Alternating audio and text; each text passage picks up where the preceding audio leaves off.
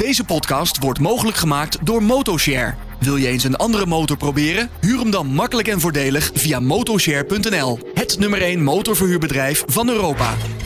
De Motorpodcast. Passie voor motoren.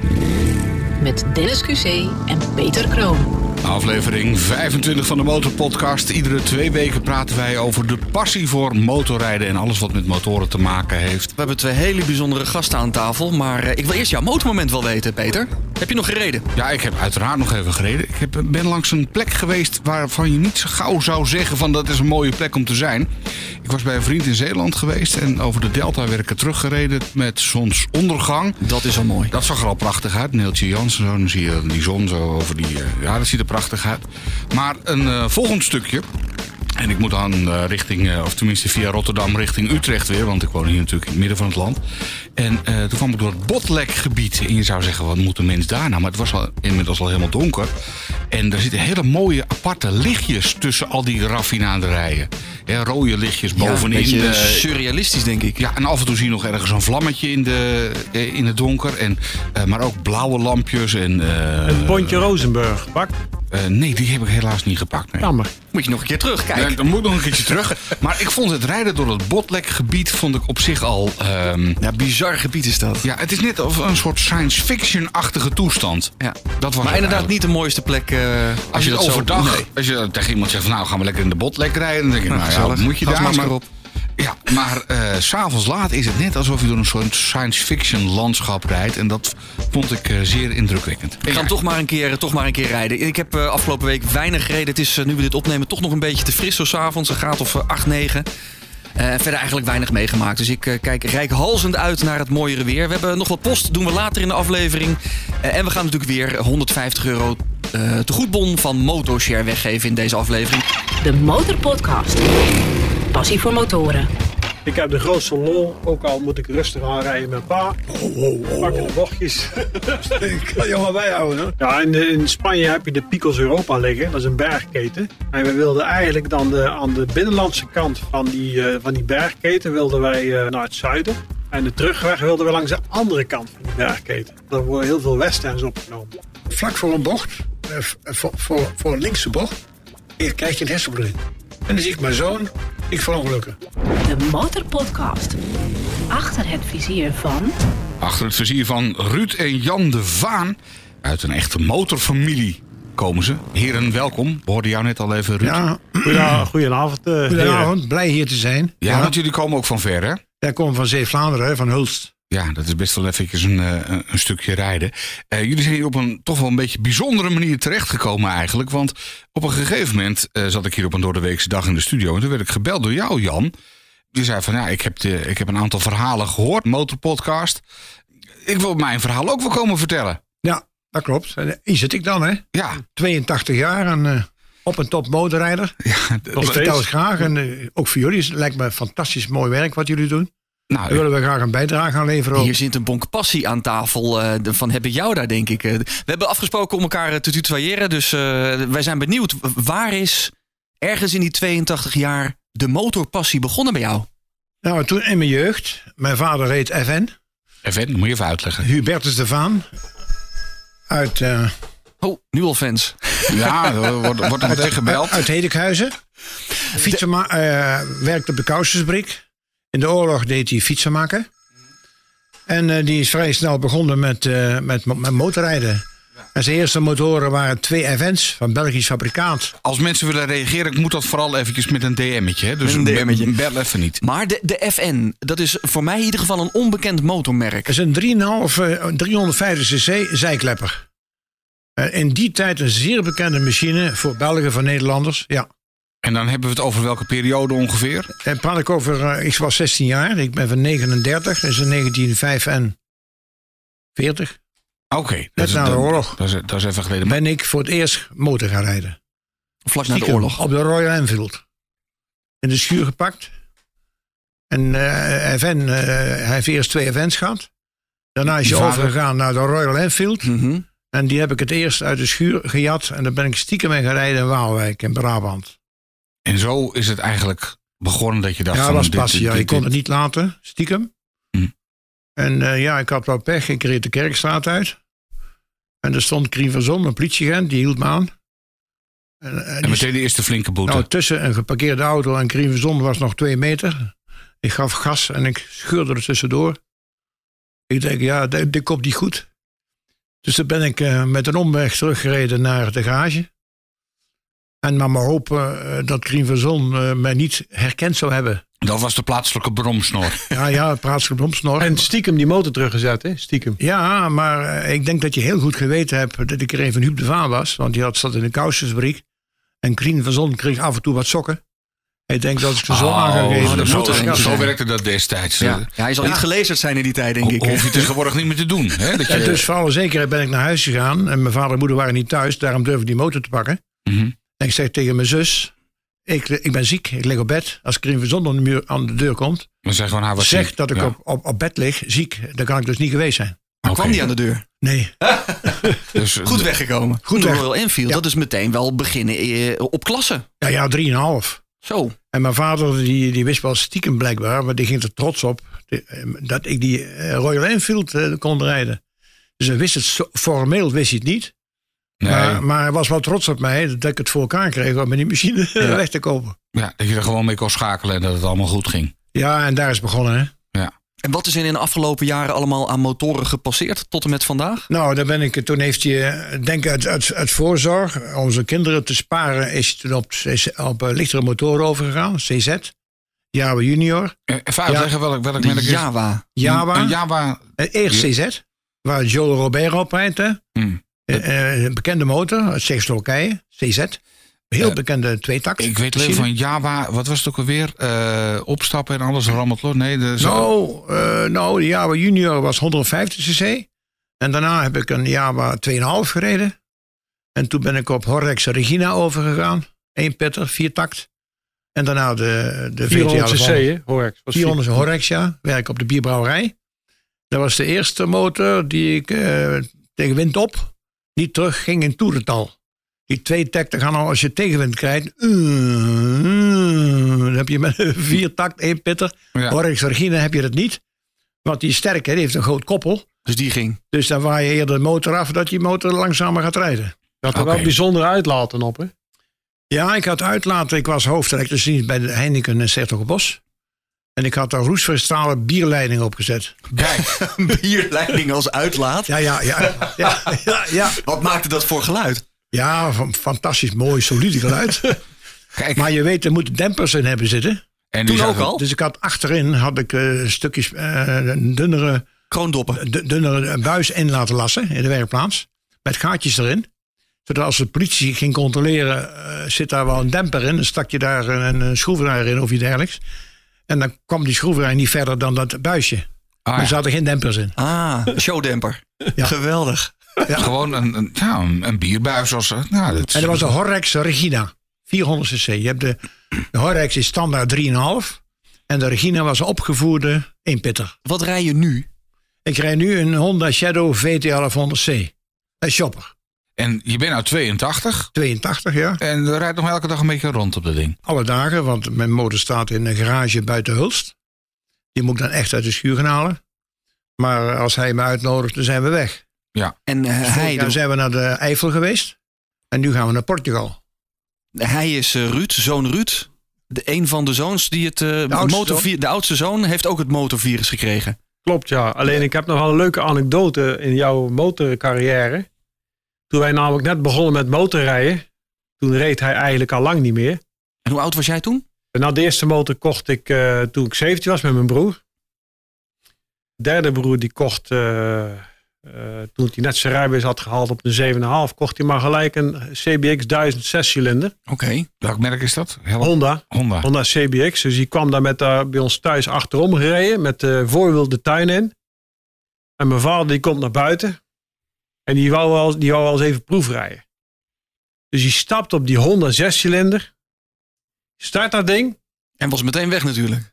Die geeft daar een prop gas. Alsof hij op een crossmotor zat. Want die moest de andere kant op. Dus die, die, die zet die motor vol in de spin. Die achterkant komt voorbij. Om dan vervolgens 180 graden te draaien. Om dan het terrein de, de, de oprit af te knallen met dat ding. Ik dacht, die, ik denk, die rijdt tegen de muur omhoog zometeen. Hè? Want Hij zegt, ik had alles onder controle, maar...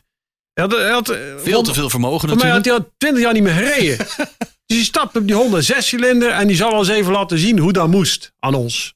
Oké. Ja, en dat liep gelukkig goed af. Maar volgens vragen, mij ja. was het meer geluk als wijsheid toen. Maar nou begrijp ik dus dat er een periode is geweest dat je even niet hebt gereden. Een jaar of Ja, twintig dat gewoon niet. Eh, ik Waarom was de passie even weg? Nou, ik werkte bij Heineken en eh, we kregen onze eerste zoon, dat was hij. En dat kostte geld. Ah ja. Dus ik moest eh, toch eh, het budget in de gaten houden. Dus heb ik een motor verkocht. Met de bedoeling dat ik eh, zo, ja, zo vlug mogelijk weer kon gaan rijden. Ja. Nou, we hebben vijf kinderen. De Motorpodcast. Passie voor motoren. De Motorpodcast.nl In deze aflevering van de Motorpodcast zijn vader en zoon Jan en Ruud de Vaan te gast. En ondanks zijn respectabele leeftijd van 82 jaar rijdt vader de Vaan met zijn kinderen nog zo'n beetje door heel Europa op de motor. Je had nog wel een Harley tussendoor, die vergeet je.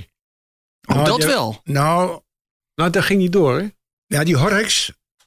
Voordat ik die Horrocks kocht, had ik Ja. bijna een Harley, een Harley gekocht. Ja, 1200 cc. Met eh, terug, terug eh, sch- erop. Achteruit. ja dat is, ja, dat is Die zwaar. Harleys, die oude Harleys. Met Ja, 50 jaren. De, de nieuwe hebben dat ook hoor. Als je, Oh ja. Alleen dat is een optie, die moet je Ja. dan bestellen. En die kocht ik een nieuwe kuik en die kostte 500 gulden. En ik had 500 gulden verdiend op de conservefabriek. Maar ik wilde met die Harley een tour gaan maken. Dus ik had 50 gulden nodig voor benzine. Dus ik bood hem 450 gulden. Maar dat deed hij niet. Als had ik hem gehad. Oké. En ik heb een proefrit meegereden van Nieuwkuik naar Waalwijk. Via mijn, eh, mijn schoonouders in Drunen. En dan kom ik op de kousenfabriek aan van mijn vader. En die komt naar buiten. En hij zegt, ja joh. Je gaat toch zeker die Harley niet kopen, man. Je rijdt de knoppen van je, gulp- van je, van je broek af. hij zei, dat moet je niet doen, joh. Nee. Laat die Harley staan. Eh, we gaan weer even naar Jan Hens. Eh, die heeft wel een andere mooie machine staan. En zo kocht ik die 400 cc eh Horrocks Regina. Want hey, had je toch ook zoiets met Harley, wat ik zelf er ook een beetje mee heb. Ja, het is toch iconisch apparaat. En Ja, dat het is fantastisch. Eh, Ik zou best een Harley willen hebben nog, hoor. toch wel. Ja, ik geld heb, koop, koop ik er een Harley bij. Ja, misschien, we komen straks natuurlijk met de vraag... wat zou er gebeuren met 100.000 euro voor de motorpassie? Ja. Dus nou, daar, kun je wel Harley van kopen. Maar eh, de Harley is er eh, bij jou nooit eh, gekomen, Jan. Eh, Ruud, ehm, jouw eerste motor dus op je zeventiende? Eh, ja, goed. eh, ik, ik was oudste, dus ik werd het eerst 18. Ja.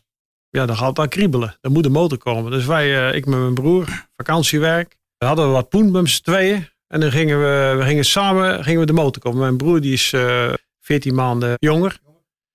Wij kochten onze eerste motor. Toen was ik nog geen 18 en mijn broer was waarschijnlijk 17. Er reden twee op het dorp. Daar waren we eigenlijk door besmet. Samen kwamen wij eh, bij een lokaal motorliefhebber waarschijnlijk. En die had, die had een stuk of 10, 20, 30 motoren staan. En dan kochten wij eh, onze eerste Suzuki. Dat was een Suzuki die we kochten, want die konden wij betalen. Dat was een 1200, eh 1200 gulden. We hebben die gekocht. Wat voor die tijd heel veel geld Dat was was. heel veel geld. Ja. Maar dat was wel een GT 550 C 3 cilinder tweetakt. Ja, dat was gewoon een beest van de machine in die tijd. hoor. Dat, eh, dat, was, dat was niet normaal. Eh, die kochten wij eh, de jaren 70 motor en die kochten wij dan eh 1980. En is daardoor die liefde voor Suzuki gebleven? Want vandaag de dag ben je ook nog steeds een beetje van de Suzuki, hè? Nou, ik denk dat het gewoon puur was, eh, die konden wij betalen. En eh, het moest wel een beetje power hebben. Ik denk dat het gewoon puur was, dat was een machine die in ons budget zat. En het was in ieder geval een 550 c, drie cilinder. Gingen we dus eh, met die motor gingen wij illegaal in de polder rijden, want ja, dat brandt natuurlijk. Mhm. Wist Ja. ik niks van. Dus wij gingen natuurlijk dat ding starten in de tuin, dat is leuk. Maar dan nog een keer starten, en op een gegeven moment moet je ermee rijden. Ja, dan eh, gingen we in de polder rijden. Maar we ook, wij, ook wij hadden een plaatselijke bromsnor. En je had al lang de boel in de, in de smiezen. Dus we waren ergens op een anderhalve, twee kilometer van het dorp. En eh agent stopt daar. En dan zeiden we, jongens, wat zijn jullie aan het doen? Ja, proeven. Proefrit maken. Ja, dat gaan we niet meer doen, hè, jongens. Want, eh fijn, ik weet niet wat er. Hij zegt, eh, dan wordt te voet naar huis. Dus wij eh, te voet met die motor. Dat was een ding van meer dan 200 kilo in die tijd. En we denken te voet naar huis. Maar het was wel een Suzuki, niet wetende dat dat later ons, eh, ons eh, passiemerk zou worden. Toen hadden we die motor gekocht, maar dan hadden we, toen was ik 18, maar we hadden nog geen geld voor de verzekering. Oh, ja, dat is wel even een dingetje. Want in die tijd dan ging je naar het stadhuis en dan ging je een L-bord nemen, die plak je erop en dan kon je, dan kon je gaan gassen. Ja, mocht, Maar- mocht je zeg maar rondrijden alsof je Ja. je rijbewijs nog moest halen. Maar ja, er waren geen beperkingen aan. Nee. Dus, eh, dus wat, maar goed, de, de verzekering in die tijd, dat was een AWB verzekering waar je mee met een L-bord, dat kostte toen 625 gulden, weet ik nog. 625 gulden, de helft van die motor kostte één jaar verzekering om met dat ding te mogen rijden.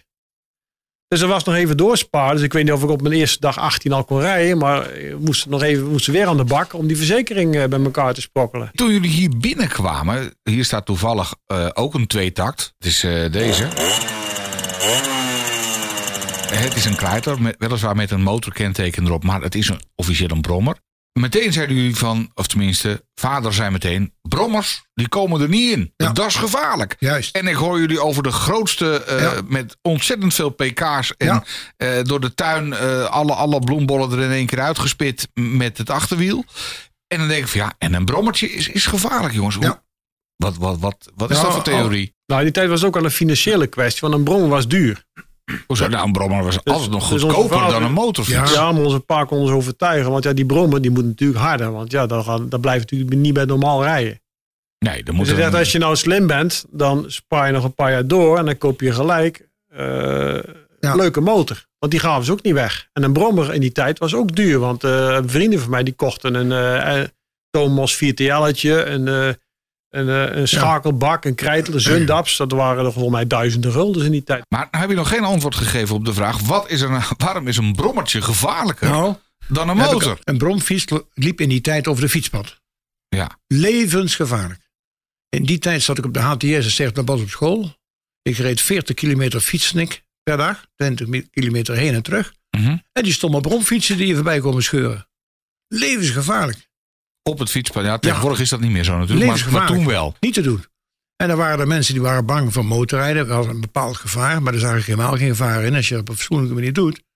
Maar het motorrijden was voor mij minder gevaarlijk als bromfietsrijden. Dus heb ik keihard Puur, puur omdat die brommertjes op het fietspad Ja. reden en rakelings langs fietsers, had je het idee dat Ja. is gevaarlijker dan wanneer mijn eh, jongens op een grote motor gaan rijden en gewoon op de openbare weg. Ja, en bovendien eh, kon iedereen kopen op een bromfiets. Ja. Dat kan voor een motorrijder, kan het niet. Ja, dat snap ik wel. Dat is, ik snap, dat is wel veilige logica, denk ik. Ja, Ondanks dat kijk, jullie denk ik wel, wel, wel sportieve rijders ja, zijn. Voor eh. motorrijden heb je training, een bepaalde training voor nodig. En een bromfiets kruipt iedereen maar op. nooit gedacht om motorinstructeur te worden? Had gekund. Ja, kan nog, hè? Ja. Kan, ja, kan nog. Kan nog. Wat, wat, wat is eh, voor jou de, de, de motorpassie? Wat betekent motorpassie? Nou, de motorpassie is eh, om te, om te eh, verantwoord risico nemen. Eh, weersomstandigheden. En wat is verantwoord risico? Verantwoord Met het knietje door de bocht? Of, Nou, ik begin altijd te zeggen, motorrijden heb je minimaal vijf jaar ervaring nodig. Oeh. Je moet alle gevaren kennen van het motorrijden. En je moet ook technisch gevoel hebben. Ik heb tegen die motormeiden gezegd van, ken je motor technisch? Weet zeker dat al je bouten vastzitten van je frame. Maar dat gaat dus verder dan de Bravok van het examen.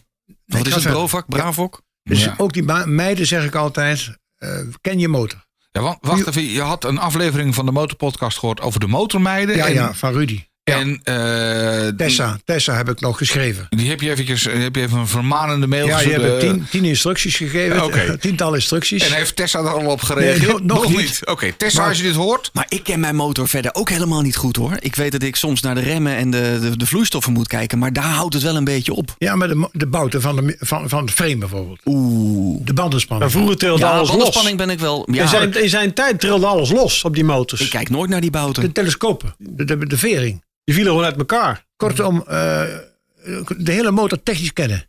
In grote lijnen. Nou, sowieso met vijf jaar rijervaring kom ik ook nog niet. Dus, Nee, maar dat eh, komt wel. eh, ja, dat komt maar dan zo. moeten die vrouwen ook. Ja, maar je moet wel vertellen, pa. In die tijd, die Engelse motoren, die, die, die hadden altijd wat. Ja, ja, maar goed. Maar als ik zo naar die moderne motoren kijk, er zit ook al wat aan. Zeg. Japanners die waren veel betrouwbaar. Die, met die Engelse motoren, die, die, die, die verzopen, die starten niet, die vielen uit elkaar. Dat was weer dit, dat was weer dat. Was het ook weer alles rammend in één keer Ja, ik los, noem de maar- ik- Ariel? Ik, ik noem maar iets. Zoiets. Ik heb zo'n windschermpje voor op die motor staan. Mhm. Op een gegeven moment eh, verliest het eraf. dan breken die, eh, die constructie die breekt. Dan krijg je dingen in je gezicht. Maar dat is, dat is gewoon een kwestie van een beetje op tijd die motor van een servicebeurt wegbrengen. Ja, en, maar, nee, dat doe je zelf, hè?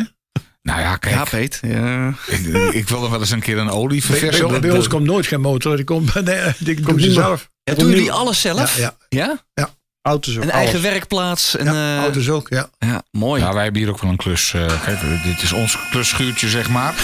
Ja, we hebben wel wat eh gereedschappen. Dan een geluidseffect komt het ook niet. Ja, dat is. eh kom maar in. hè. Ja, nee. eh, oh, oh. Als ik helemaal begin, dan. eh, Is die, is die passie voor jou hetzelfde, Ruud? Wat betekent motorpassie voor jou? Vroeger gingen wij met pa en ma op vakantie. En dan reden wij altijd naar Zuid-Frankrijk. Dan kwamen er van die gasten op motorfietsen langs. Met een tent aan, met een zak achterop. Knoerhard. Gewoon. Tjoef, tjoef, tjoef.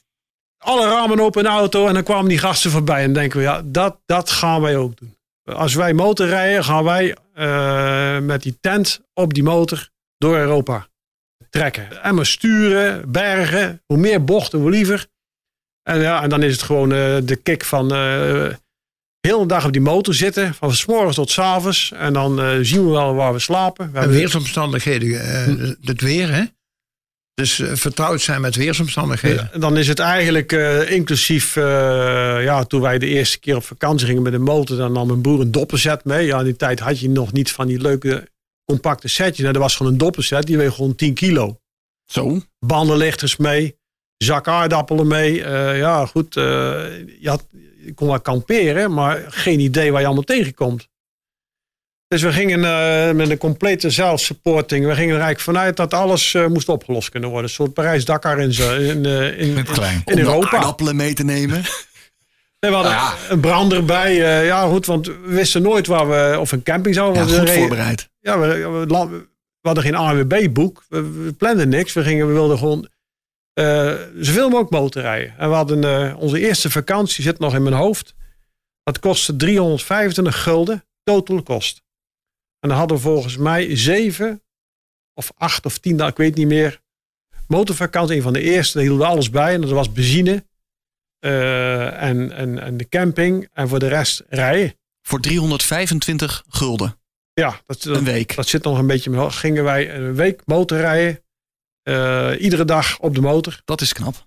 Ja, en eh dan waren we, ik denk, eh 19 jaar. Mijn broer 18. Ben ik met mijn twee broers op de motor. Hij is al een, al een keer de berg afgereden. Dat hij zijn standaard vergeten was. Moest ook gerepareerd worden onderweg. Want ja, hoe konden we daar ergens uit de ravijn gaan halen, die motor? De Motorpodcast. Passie voor motoren. En vergeet je niet te abonneren op de Motor Podcast. Want dan krijg je iedere twee weken gratis een nieuwe aflevering te horen. in je favoriete podcast-app of op je favoriete podcast-platform. En laat ook eventjes een eh, reactie achter of eh, een beoordeling. Beoordeel de Motor Podcast heeft met drie, vier of wat mij betreft vijf sterren. Dat vinden we altijd leuk om te horen. In deze aflevering van de Motor Podcast vader en zoon Jan en Ruud de Vaan te gast. Ondanks zijn respectabele leeftijd van 82 jaar rijdt vader de Vaan nog steeds met zijn kinderen zo'n beetje door heel Europa op de motor. Het, het is wel iets moois dat jullie, jullie hele familie rijdt dus. Alle broers eh, rijden ook. Zus rijdt ook. Ja. Kleinkinderen inmiddels die rijden ook. Ja, zijn bezig. Drie, vier ervan. En hoe, eh, we zijn bezig. Hoe oud zijn die kleinkinderen? Vier, vijf? Of, eh? 23. Oh, gelukkig. Nou, 18, ja. Wat een fantastische Maar ik heb- motorfamilie Ik heb hebben nog een mooi voorbeeldje. Mag ik een mooi voorbeeldje geven? Ja. Ik was met een jaar bij 2,5 zijn we naar Luzern gereden in Zwitserland. En daar had ooit iemand had daar onder het karter met zijn schroevendraaier tussen gezeten om de karter los te krijgen. Hè? Mhm. Dus die lekte olie. Dus ik moest om de 50 of 100 kilometer Moest die plat, plat leggen. ja. Dan eh, had ik een sok, een oude sok in de tank, benzine. Ja.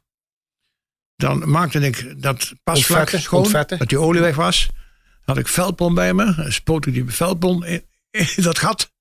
En dan was het verder rijden. Dat was wel een heerlijke rit zeg. Ja, en dan, Maar waarom niet even een check van tevoren voordat je dan daar weggaat? hadden we geen tijd voor. Hè? Ah, Oké. Die tijd studeerden we allemaal. Vandaag de dag organiseren jullie nog steeds allerlei bijzondere ritten. hè? En dan wel goed georganiseerd. Ik heb op een gegeven moment heb ik de krokenroutes ontdekt. Want je hebt niet zoveel tijd. De TomTom. En toen ik helemaal aan het begin, dat durfde ook niet te veel te rommelen. Dus ik, eh, ik zet die kronkelroute aan. En eh, ik denk, ik wil om een uur of eh, tien ergens aankomen. En dan net zo lang kronkelen tot die tijd vol zat. Maar dan plan je vanuit Zeeuws-Vlaanderen een route van zeg 10 uur, dat, ja. met dat eh, hoe is Ja. het daar, Luxemburg, nou weet het. eh, Ja, in die tijd. eh, Ah, je, je zegt met je tomtom de spannende route. En zo doe ik het nu. ja, zo doe je het nu. En vroeger hadden we natuurlijk, de, toen er geen TomTom was, dan hadden wij die, die ANWB-kaarten bestaan nog. Dat is 1 centimeter is 4 kilometer, geloof ik.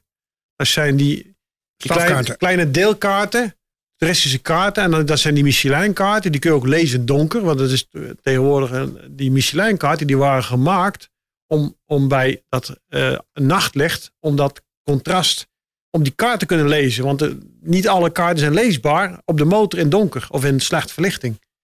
Dus dan hadden wij eh, dan hadden we bijvoorbeeld een kaart van de Elzas, van eh, Noord-Frankrijk, van al die provincies een aparte kaart. En daar, en daar pakken, ze zochten gewoon, en die waren dan allemaal groen gekleurd op die Michelin-kaart. En die gingen we allemaal afrijden. En dan zoveel mogelijk bochten. Maar ja, tegenwoordig kennen we zo'n beetje al die routes wel. En toen met die TomTom komen we nu op plekken waar, eigenlijk, waar, je eigenlijk met de kaart bijna niet komt. Want dat zijn de witte weggetjes, dan staan, niet overal op een landkaart. Dan moet je nog meer inzoomen. Dus, dus nou met die TomTom, dan gaat er eigenlijk een wereld voor je open. Eh, en je weet ook een klein beetje van eh, waar je, hoe laat je ergens aankomt. En vroeger hadden we geen idee. Ja. Nee, je was een beetje op de gok en eh, Dat, we hadden wel camping bespreken, deden we niet. We reden rond het donker werd. En dan hadden we zorg dat we al aardappels bijgekocht hadden of weet ik wat. En dan rolden we om een uur of zes, zeven de camping op. En dan was de gaspitten aan. En we hebben ook wel eens een berg opgereden dat er geen camping was. En sliepen onder een boom. We hebben een keer midden in Genève spaghetti staan te maken, bijvoorbeeld op de stoep. geweldig. Ja, dan is de wereld wel een stuk makkelijker geworden met TomTom, de konkelroutes. maar hij en, wilde eh, in essentie gehad bij ons rijden, rijden, rijden. We kregen er geen genoeg van. over geen genoeg van krijgen. Want jullie eh, zijn een fantastische motorfamilie zo met elkaar. Eh, jullie hebben in 2009, ik heb hier het fotoalbum voor me, een, een fantastische familierit gemaakt naar Santiago de Compostela. vier motoren. Vier motoren, vader en drie zoons. Ja. W- waarom daar naartoe? Dat ten eerste. Dat ziet er schilderachtig mooi uit, zie ik hier op de foto. Ja, nou, ik had eh, een Bedevaart, eh, toch? route, Ja. route de France eh, gepland. Maar zeg, ja, daar hebben al zoveel gereden. Zeiden ze, we, gaan, we moeten naar Spanje toe. Dus dan kun je vergeten. Frankrijk, vergeet maar. Eh, het wordt Spanje. Dus ik had niks te vertellen. Een soort pelgrimstocht eh te motor. En de vrouwen zeiden dat ze negen dagen weg mochten. Meer niet. Dat wordt dus met twee auto's en een trailer. Oh. Wordt dat dat- eh 1200 kilometer aan de Pyreneeën. Ja, Daar een hotel zoeken. ja. spullen achterlaten. Met de motoren de Pyreneeën over. En in drie dagen naar Santiago. 1200 kilometer in drie dagen. Dus 400 kilometer per dag. Dan heb je wel een beetje harde kont. Ik had geëist één dag vrij. Rust. Rust. Had ik geëist, anders ga ik niet mee. Mhm. Dus we hadden één dag vrij in Santiago. En dan drie dagen terug langs de kust. Terug naar een hotel in de Pyreneeën. Oké. En dan met één dag weer met de auto's 1200 kilometer. En dan totaal negen dagen. Maar twee dat, dagen dat- autorijden. dat- dat is behoorlijk racen, alles Zes elkaar. dagen motorrijden, 2400 kilometer. En één dag rust. Ja, in, in Spanje heb je de Picos Europa liggen. Dat is een bergketen. En we wilden eigenlijk dan de, aan de binnenlandse kant van die, eh, van die bergketen wilden wij eh, naar het zuiden. En de terugweg wilden we langs de andere kant van die bergketen. En aan de binnenkant, dat is een plek, daar worden heel veel westerns opgenomen. Uren kom je niemand tegen. We hadden, eh, we hadden in die tijd, had mijn broer net een telefoon. Die had net een, eh, een Aldi tomtommetje, had hij geloof ik. De gekste dingen meegemaakt. We hebben een keer eh, overnacht bij, een- bij een vent. Toen kwamen we om een uur of 19 aan. Die was kasteelheer, geitenfokker, had een boerderij. Hij had, had een hotel, hij had een restaurant. Want hij kwam er geen hond in die tijd. Er was, er was helemaal niemand. En hij was zelf chef-kok. Toen kwamen jullie aan. En toen kwamen wij eraan. Ja. Waarom we eigenlijk naar Santiago, dat weet ik eigenlijk ook niet. Nou, dat is een bedevaartplaats. Waarschijnlijk komt het toch voor jou af. Een bedevaartplaats. eh, Jullie zijn nu genezen van de motor. eh, ja, nou, wij, wij, wij wilden wel graag dat circuit van de Santiago. Dus zeer populair. Ja. En eh, het was een mooie route. Dus dan... eh Maar je moet een doel hebben, hè? een doel. Ah, het is een mooi doel als ik door de foto's blader. Ik zie mooie vergezichten. Ik zie drie zoons en een vader met vier prachtige motoren. Ja. Van, van herberg naar, naar hotelletjes rijden. Hier ook een, een mooi vergezicht met, met heuvels. Ja. Prachtig mooi weer. Ik denk dat dit, dit is echt een, een droomreis geweest voor jullie, Ja, denk ik. de omreis. Ja, we hebben geluk gehad met weer, want in de, in de Pyreneeën kan het behoorlijk spoken. En het was, we gingen in, volgens mij in juli. We hebben ook in, eh in eh, hoe heet je, die, de, het Baskeland, die provincie. Mhm. Dat is hartstikke groen. Maar waarom is dat zo groen daar? Daar regent er altijd. Dus we hebben ook heel veel geluk gehad. We hebben ook dagen gehad met, met, met biezen, maar eigenlijk eh, in En de, de wegen ook gereden, hè? Door de rotzooi heen, door de troep. Ja. Maar jullie zijn wel een familie die dan eh, niet de snelwegen kiest, maar alleen die mooie binnendoor. Ja, dat is zij dan, hè? ja. Ja, hij kon op een gegeven moment had hij, kon hij geen bocht meer zien met die, met die VT 1100. ja hij zei, kijk, stop eens een keer met dat gedonder, joh, met die bochten. En dan dadelijk kom ik daar bij, bij, bij Santiago, bij, bij Sebastian. En dan pak ik de route naar Bordeaux. En jullie bekijken het maar, hè? Met je bochten. Dan, maar met zo'n Honda Shadow is heel moeilijk te rijden in de, bochten, hè? Ja, is ja, dat zo? Ja, het chopper is altijd wat lastiger natuurlijk. Ja, dat is met, eh, met een Harley ook, hè? Maar met Ja, zoveel ervaring. Ja, maar de ervaring wat ik geleerd heb is, eh, als je geen risico, ik ben één keer vlak voor zo'n haarspelbocht, schakel ik terug. Ik denk dat je in zijn één stond, dan stond je ze vrij. Ja. Dus ik laat die koppeling los en ik heb niks. Nee. Nou, Ja, en, dan- en je zit in de, de haarspelbocht. ja, dan, dan, Dan moet je als een gek moet ik, moet ik gaan schakelen en dan maar hopen dat je op je, be- op je bek valt. Ja. Dus de- om dat de volgende keer het risico te voorkomen, ben ik eh, eerder terug gaan schakelen, Mhm. dat ik voor de bocht er in, bijeen kom. Ja, En want, ik kreeg, want klachten, eh, ik kreeg klachten van hem die achter me zat. Waarom rij je nog niet door, joh? Veiligheid voor alles, hè? Bekijk je het nou maar. Ja. Want ik wilde dus wel voor de bocht zeker Ja, weten op dat een ik gegeven erin sta. Op een gegeven moment En zat dan hij de boel rond te saboteren. Dan ging hij vertragen. En eh, ja, goed. Je moet niet eh, drie vier, eh, zoons van de Vaan allemaal, allemaal hetzelfde. Allemaal dominant als de pest. Dus, eh, Zo vader, zo zoon. dus het was natuurlijk, eh, dat was het niet iedere dag was even gezellig. Nee. En, eh, met nu- Daarom reed jij voorop. eh, Nee, nee, hij reed achteraan. ik reed, eh, Achteraan. een van mijn broers reed altijd achteraan. Die achter, achter jou geloof Gert-Jan ik. reed op, voorop. En dan kwam ik. Oh ja, en hij dan, had het Tom en dan ja. kwam jij en Oh, ja, dan ja. kwam Herbert. En die had de leiding. Herbert. Had nog wel een stafkaart op zijn. we hadden landkaart hadden we nog wel bij. Gert-Jan dacht hij de leiding had, maar de echte leiding lag bij Herbert. Is het een aanrader om vanuit Nederland gewoon dan zonder de autotrip, maar gewoon naar Santiago de Compostela te Ja, rijden? moet je iets meer tijd nemen als negen dagen. Ja. 400 kilometer op een dag is maximum, zou je kunnen zeggen. Eigenlijk te veel. Huh? 400 kilometer Ja. eh, is eigenlijk te veel als je. Goed, Frankrijk is al zo mooi dat je eigenlijk niet eens in Spanje komt. Dus aan de ene kant moet je wel keuzes maken. Alleen eh, over snelweg rijden is leuk, maar je zit je ineens stierlijk te vervelen. En als je dan op een motor rijdt die gewoon 300 kan, bijvoorbeeld spreken, of 200, ja, dat is, dat is niet te doen om natuurlijk netjes 100 te gaan rijden. Nou Dus ja, ja. vijf- vijf- 25 2500 kilometer. Pak dan 300 kilometer per dag. Dan reken maar uit. Hè. En geniet een beetje. dat is je acht beter. dagen nodig. Hè? Ja. Nou, in onze eerste aflevering heeft Dylan toen, wat had hij nou op de teller gezet? Ja, op één dag 1100? Ja, zoiets. Op een dag. Ja, dat was, Ja, maar, ik kan wel voor één dag, maar ik hou je niet vol. Hè? Nee. Maar nou had je het net even over die haarspelbocht waar het bijna fout ging. Is het wel eens echt... eh, ben je wel eens echt onderuit gegaan? Ja, ja, verschillende keren. Oh, dat. Ja, verschillende keren. Met mijn CZ ben ik gevallen. Met mijn Horex Regina ben ik gevallen. Met de VT 1100 zat hij achterop zelfs, ben ik gevallen. Oké, had, had dus- hij een uur.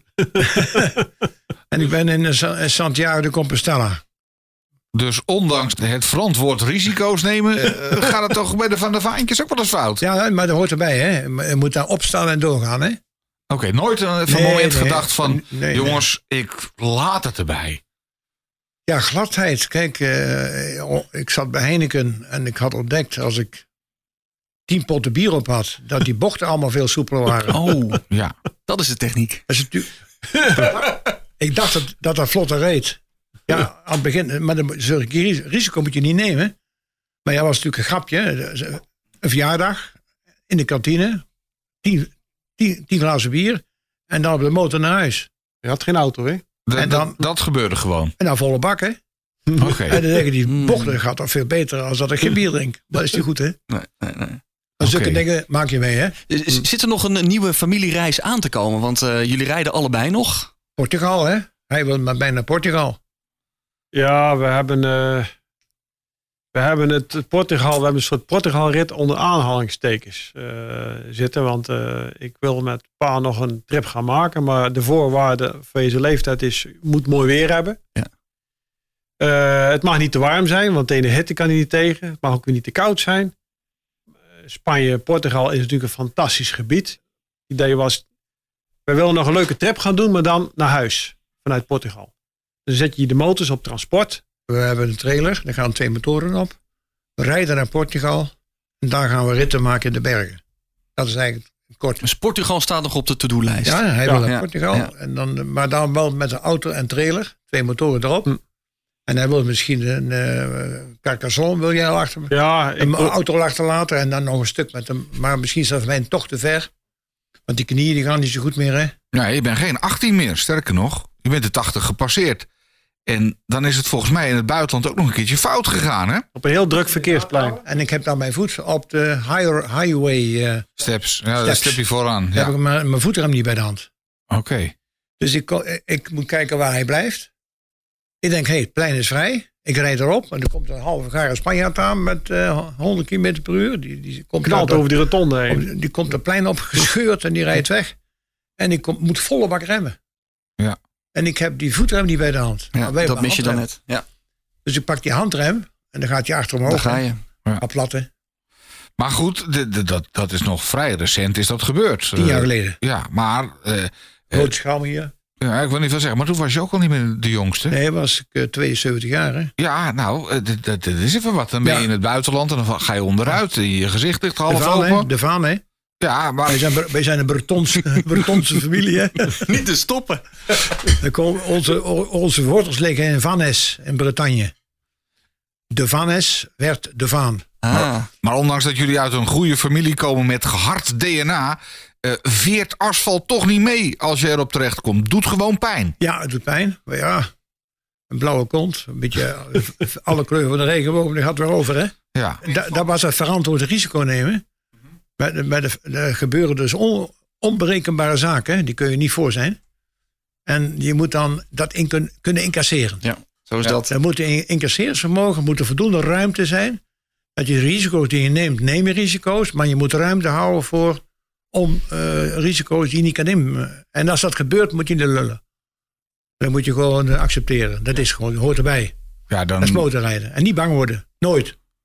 nou, eh, ik kan me er iets bij voorstellen dat je dan wel even denkt van... eh, ja, nee. nee gewoon. Ik denk dat voor elk ongeluk geldt dat opstappen meteen weer of zo snel mogelijk de beste remedie is. Dat hoor je van kijk, heel veel als jij- verkeerspsychologen ook. ja, als je onverantwoord risico hebt genomen, dan ga je jezelf kwalijk nemen. Tuurlijk. Ja. Dat moet je dus niet doen. Nee. Dus je Maar zo'n man die de rotonde opschiet of zo'n plein opschiet, Ja. kun je ook niks aan Kan doen. Nee. De Motorpodcast. Passie voor motoren. Je luistert naar eh, aflevering 25 van eh, de Motor Podcast, waarin we praten met vader en zoon Jan en Ruud de Vaan over hun fantastische reis naar Santiago de Compostela in eh, Noordwest Spanje. Als jij nou zit te luisteren en denkt, ja, ik heb ook een fantastisch verhaal, laat het ons even weten via de socials, at de Motorpodcast, of stuur een mailtje naar info at demotorpodcast.nl. Ruud, we hebben het nog helemaal niet over gehad op wat voor motor jij nu rijdt. Je hebt een voorliefde voor Suzuki. We weten, eh, vader rijdt op een Honda eh, Shadow. En eh, een chopper. Maar wat, wat is jouw eh, dagelijkse motor? Want volgens mij zit je elke dag ook op dat ding. Dat moet een Suzuki zijn. Ja, ik heb er, eh, ik heb er drie eh, standaard eh, op de, voor het pakken.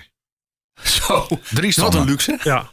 En dat zijn? Als ik met pa ga rijden, dan pak ik de Bandit die ik eigenlijk voor hem had gekocht met een top halfkuiper. Dat is een, een Suzuki Bandit 600.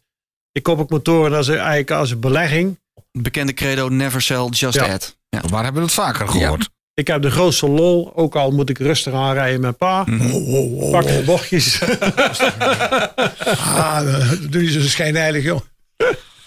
ik kan je wel bijhouden, hoor. ja, dan heb ik, eh, dan heb ik, eh, ik heb één injectiemotor. Drie heb je er sowieso paraat. Binnen handbereik, altijd één van de drie. En hoe maak je de keuze? Ja, één heb je speciaal om met je vader te rijden. En die andere twee, één op de even dagen en de andere op de Nou, oneven de, dagen. de GSX 1100, die, eh, Suzuki Club.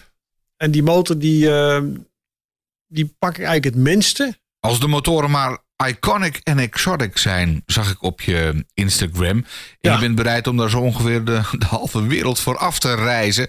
En op een gegeven moment kom je naar een of ander ja, heel apart exemplaar tegen in een of ander schuurtje. Hoe gaat dat? Dat is eigenlijk ook een verhaal apart. Want eh, die zat in een collectie eh, van een machinist uit Vlieland. En die had een schuur vol met replica motoren. Heel veel Engelse, Italiaanse. En die had helemaal geen races. Maar die had wel de, een unieke Suzuki tweetakt in zijn collectie. Dus eh, die motor heb ik nog lang zoeken, had ik die dan gevonden. En uh, ja, en dat is een, een, toen ik dat ding eigenlijk langer steeds meer leerde kennen, was hij eigenlijk te exclusief om daar zomaar een beetje op circuit te gaan rijden. Ja, dat doen jullie ook met, met enige regelmaat. En nou hadden we het er zo even ook al over dat als jullie ja, een, een keertje vallen, dan uh, stappen jullie altijd weer op. Uh, onder het motto, ja, wij zijn echte, we komen uit een echte motorrijdfamilie, maar het is ook een keer ja, echt vreselijk fout gegaan. Want Jan, ja, je bent een, een, een zoon verloren door het, uh, door het motorrijden. In, Fra in Francorchamps. Dus ik heb ook daar uh, in de intensive care dat dokter Dufay zei, meneer De Haan, we kunnen voor uw zoon niks meer doen. Ik zeg, maar ik wel hoor. Wat gaat u dan doen? Ik zeg, ga hem de ziekenzalving geven. heb ik hem in de olie gezet. Hè? Dan zit je daar wel met een heel dubbel gevoel. Als en je dan dan, koppelen koppelen ze apparatuur af. En dan zie je hem uh, de laatste slagen doen. Dan heb ik gezegd, straks om twee uur. Ja, er kwam af en toe nog een slag. Ik zeg, zal maar afspreken om twee uur is hij gestorven. Maar dan, als je toch zoiets meemaakt, Ja. hè? een kind verliest ja, bij motorracen. ja. Ik geloof dat ik dan de handdoek in de ring zou gooien en zou stoppen met eh motorracen. Nee. Kijk, ik heb een avond van tevoren, zat ik bij onze tweede zoon. En dan komt hij dus binnen. Hij had niet ingetekend voor Francorchamps. En ik zag dat je er moe uitzag. En had alsnog ingetekend, hij ging naar Francorchamps. En hij had wat hoofdpijn. Hij had tegen mijn Gert-Jan gezegd, de tweede zoon. Vandaag kun je winnen van mij. Dus doe je best. Maar ja, als hij op die motor zit, dan, dan gaat dat bloed stromen. Dus hij lag een halve ronde voor. De voorlaatste ronde. En mijn tweede zoon, die, lag toen hal, die, die moest de finish nog voorbij. En toen kwam er een bericht van nummer 28 was iets mee gebeurd. Ja, dat was zijn broer. Die komt puin ruimen. Wat is er precies gebeurd? Hij had een, eh, gewoon eh, vlak voor een bocht, eh, voor, voor, voor een linkse bocht, die hij met 250 kilometer moet nemen, heeft, krijgt hij een hersenbloeding. En ik zie op die, op die films die ik heb mogen zien, de filmkamer, ik ben naar de directie gegaan, De race werd gefilmd. gefilmd. En ik ben dan gaan kijken, ik ben uit gaan zoeken wat er precies gebeurd is. Heb ik de films mogen zien. En dan zie ik mijn zoon, zie ik verongelukken. Ik heb die film driemaal uh, gedraaid om alle details te weten. En ik zie dat hij niet links naast je motor gaat hangen, want bij 250 km per uur je een linker bocht moet nemen, moet jij dus eh, naast die motor gaan hangen aan de linkerkant. En dat deed hij niet. Hij zat nog rechtop. Dus op de andere manier had hij nog een bewustzijn. Ik moet die motor recht houden. En misschien heeft hij gedacht, die afrastering, het is maar rubber. Het zijn autobanden. En je hebt een snelheid van 250. Wat moet je dan doen? Is het dan een ehm, geruststelling dat het geen technische fout is geweest van, van je zoon, of, of, Ja. eh, maar een lichamelijk eh, falen? Dr. Dufay heeft gezegd, het is geen ongeval. Het is een hersenbloeding. Nou ja, en dan komt op die intensive care, de zijn verpleger was een leeftijdsgenoot. Die had ook een eh, jongetje net zo oud als hij had. Dus het was een hele emotionele zaak op die intensive care. Nou, en ben ik twee nachten heb ik daar in de stoel geslapen. En als dan de alarm ging, ging ik kijken. En op die manier heb, ik, heb je daar meegeleefd. En toen zijn we later een fruitmand gaan brengen, dank. En dokter Dufay riep mij naar binnen toe. En meneer de Vaan, ik heb nieuws voor u. We hebben voor 100% zeker vastgesteld. Het was geen ongeval, maar een hersenbloeding. Dus had het technisch door kunnen zijn. Een andere eh, coureur had hem kunnen hinderen. Het had een haas, een vogel, noem maar op. Was het niet? Want door de Formule 1 daar reed, was het voor motorrijden gevaarlijker geworden. Eh, Op sommige plekken had je gewoon geen kans. Als je daarmee je motor in problemen komt. Eh, en ze hebben de grindbakken hadden ze beton ingestort. Ja, dan heb je geen, als je op die plek zou crashen, om wat voor reden dan ook, heb je geen schijn van kans. Maar je auto heb je nog iets. De Motorpodcast. Ruud en Jan uit de motorfamilie De Vaan. Vandaag de gast in eh, de Motorpodcast. Eh, Jan, jij bent inmiddels de 80 gepasseerd, 82 jaar. En toch nog zo ongeveer elke dag op de motor. Als geen ander kun jij uitleggen of motorrijden in die 82 jaar veranderd is. Ja, nou, eh, allereerst de wegen. De wegen zijn veel beter, dus je zit veel op snelwegen. Vroeger had je dat niet. Dus eigenlijk was eh, vroeger eh, was het motorrijden eigenlijk wel leuker, omdat je wat snelheid betreft natuurlijk niet. Maar gewoon van het landschap en de wegen was vroeger interessanter. Want je gewoon secundaire wegen, lange routes. Ik denk aan Frankrijk bijvoorbeeld, die nationale routes zijn nog steeds leuk. Als je met een motor rijdt. En op eh, snel, snelwegen is het eigenlijk niet zo leuk, want dan moet je hard gaan rijden. Is het, is het onveiliger geworden in Nederland, het, het rijden? Ja, het, het verkeer is drukker, hè? Maar maakt het het onveiliger? Ik denk het wel. Ja? Ja, je wordt met grotere snelheden gereden. Toch minder verkeersdoden en meer weggebruikers. En zelfs ook minder motorrijders die overlijden. Terwijl er veel meer motor gereden wordt dan bijvoorbeeld in de jaren 70. Ja, kijk, de dus wegen zijn... uiteindelijk lijkt het wel alsof het toch Kijk minder... naar kleding, kijk naar helmen, kijk naar ABS. Ja. Dat had je natuurlijk eh 40, 50 jaar geleden Nee, niet. maar ook... eh, vroeger had natuurlijk de wegen zaten veel meer bochten in. Dus je moest wel meer techniek hebben vroeger dan nu. Nu kun je eerder op een motor eh, gaan scheuren dan vroeger. Vroeger moest je veel beter op de wegen letten. Er zaten veel meer bochten, de wegkwaliteit was minder. Gaten in de weg. Gaten in de weg. Ja. Maar dat kon je ook als een hobby zien. Als een hobby om de gaten heen. Ja, nog gewoon. eh, gewoon. ja, Er gebeurt altijd wel iets. de, de wegomstandigheden was ook, hoorden we ook met motorrijden. Ja. Om daarmee om te gaan. De Motorpodcast. 100.000 euro voor je motorliefde. Wat ga jij ermee doen? Wat gaan jullie doen met een ton? Als jullie het nu even er doorheen kunnen Eh, jassen. ik moet denk wel op toch- aan motorrijden. Een gloednieuwe Harley. Een gloednieuwe Harley, toch? Ja. Ja. Weet je, dan, dan wrijf ik het er gewoon nog even in. Zo, zo klinkt hij. Ja, Ja, ja, dat klinkt goed, hè? Ja, hè? een gloednieuwe Harley. Oké, al een boek Harley. dan, dan ben je al eind op weg met 50.000. Hij En kan dan, ook een, uit. en dan een wereldreis. En een wereldreis. Oké. Fantastisch. En jij, Ruud? Ruud? Nou, inderdaad, nou je zegt het wereldreis, als je een ton hebt. Alleen het probleem is als je een ondernemer bent en je gaat een wereldreis boeken en je komt terug en je geen bedrijf meer. dus dat is wel een dilemma natuurlijk, Ja. maar... Ik eh, ben gepensioneerd, hè? Ja. Ah, dus bij jou zou het wel kunnen. Ah. Dus ik denk dat ik het dan iets anders zou doen. Ik denk dat ik dan eh, mijn mancave eh nog sneller met hulp kan verwezenlijken. Waardoor ik dus al mijn motoren op een stuk of drie, vier, eh, vijf eh, bruggen kan zetten om aan te werken. Een scherm aan de muur, eh, alle, alle foto's verzamelingen erop. Lekkere hanghoek, Biertap. biertap, flinke box erin, een barbecue er middenin. En dan eh, ja, een 100.000 euro motor kopen. Eh, ik zou, Suzuki.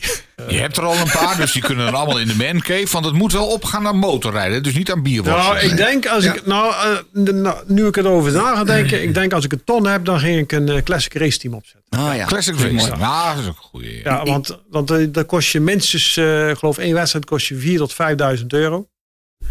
Oh ja. Eh, voorbereiding, eh, een goede classic motor en in de, in de klasse Isle of Man.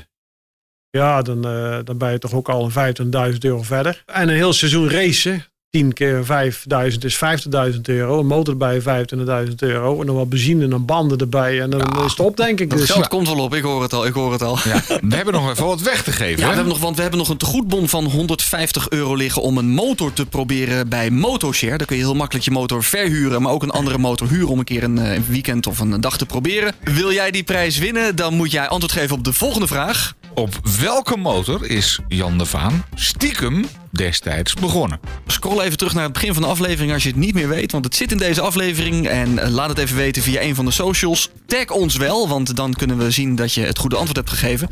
Kan via Instagram en via Facebook, de Motorpodcast. Abonneer je ook eventjes in je favoriete podcast app, want dan zijn we er over twee weken automatisch weer. En heb je verder wat te melden, maak even een mailtje of een eh, voicebericht en stuur dat naar info@demotorpodcast.nl. De Motorpodcast. Passie voor motoren. Elke twee weken in je favoriete podcast-app. Demotorpodcast.nl Deze podcast werd mogelijk gemaakt door Motoshare. Wil je eens een andere motor proberen? Huur hem dan makkelijk en voordelig via motoshare.nl. Het nummer 1 motorverhuurbedrijf van Europa.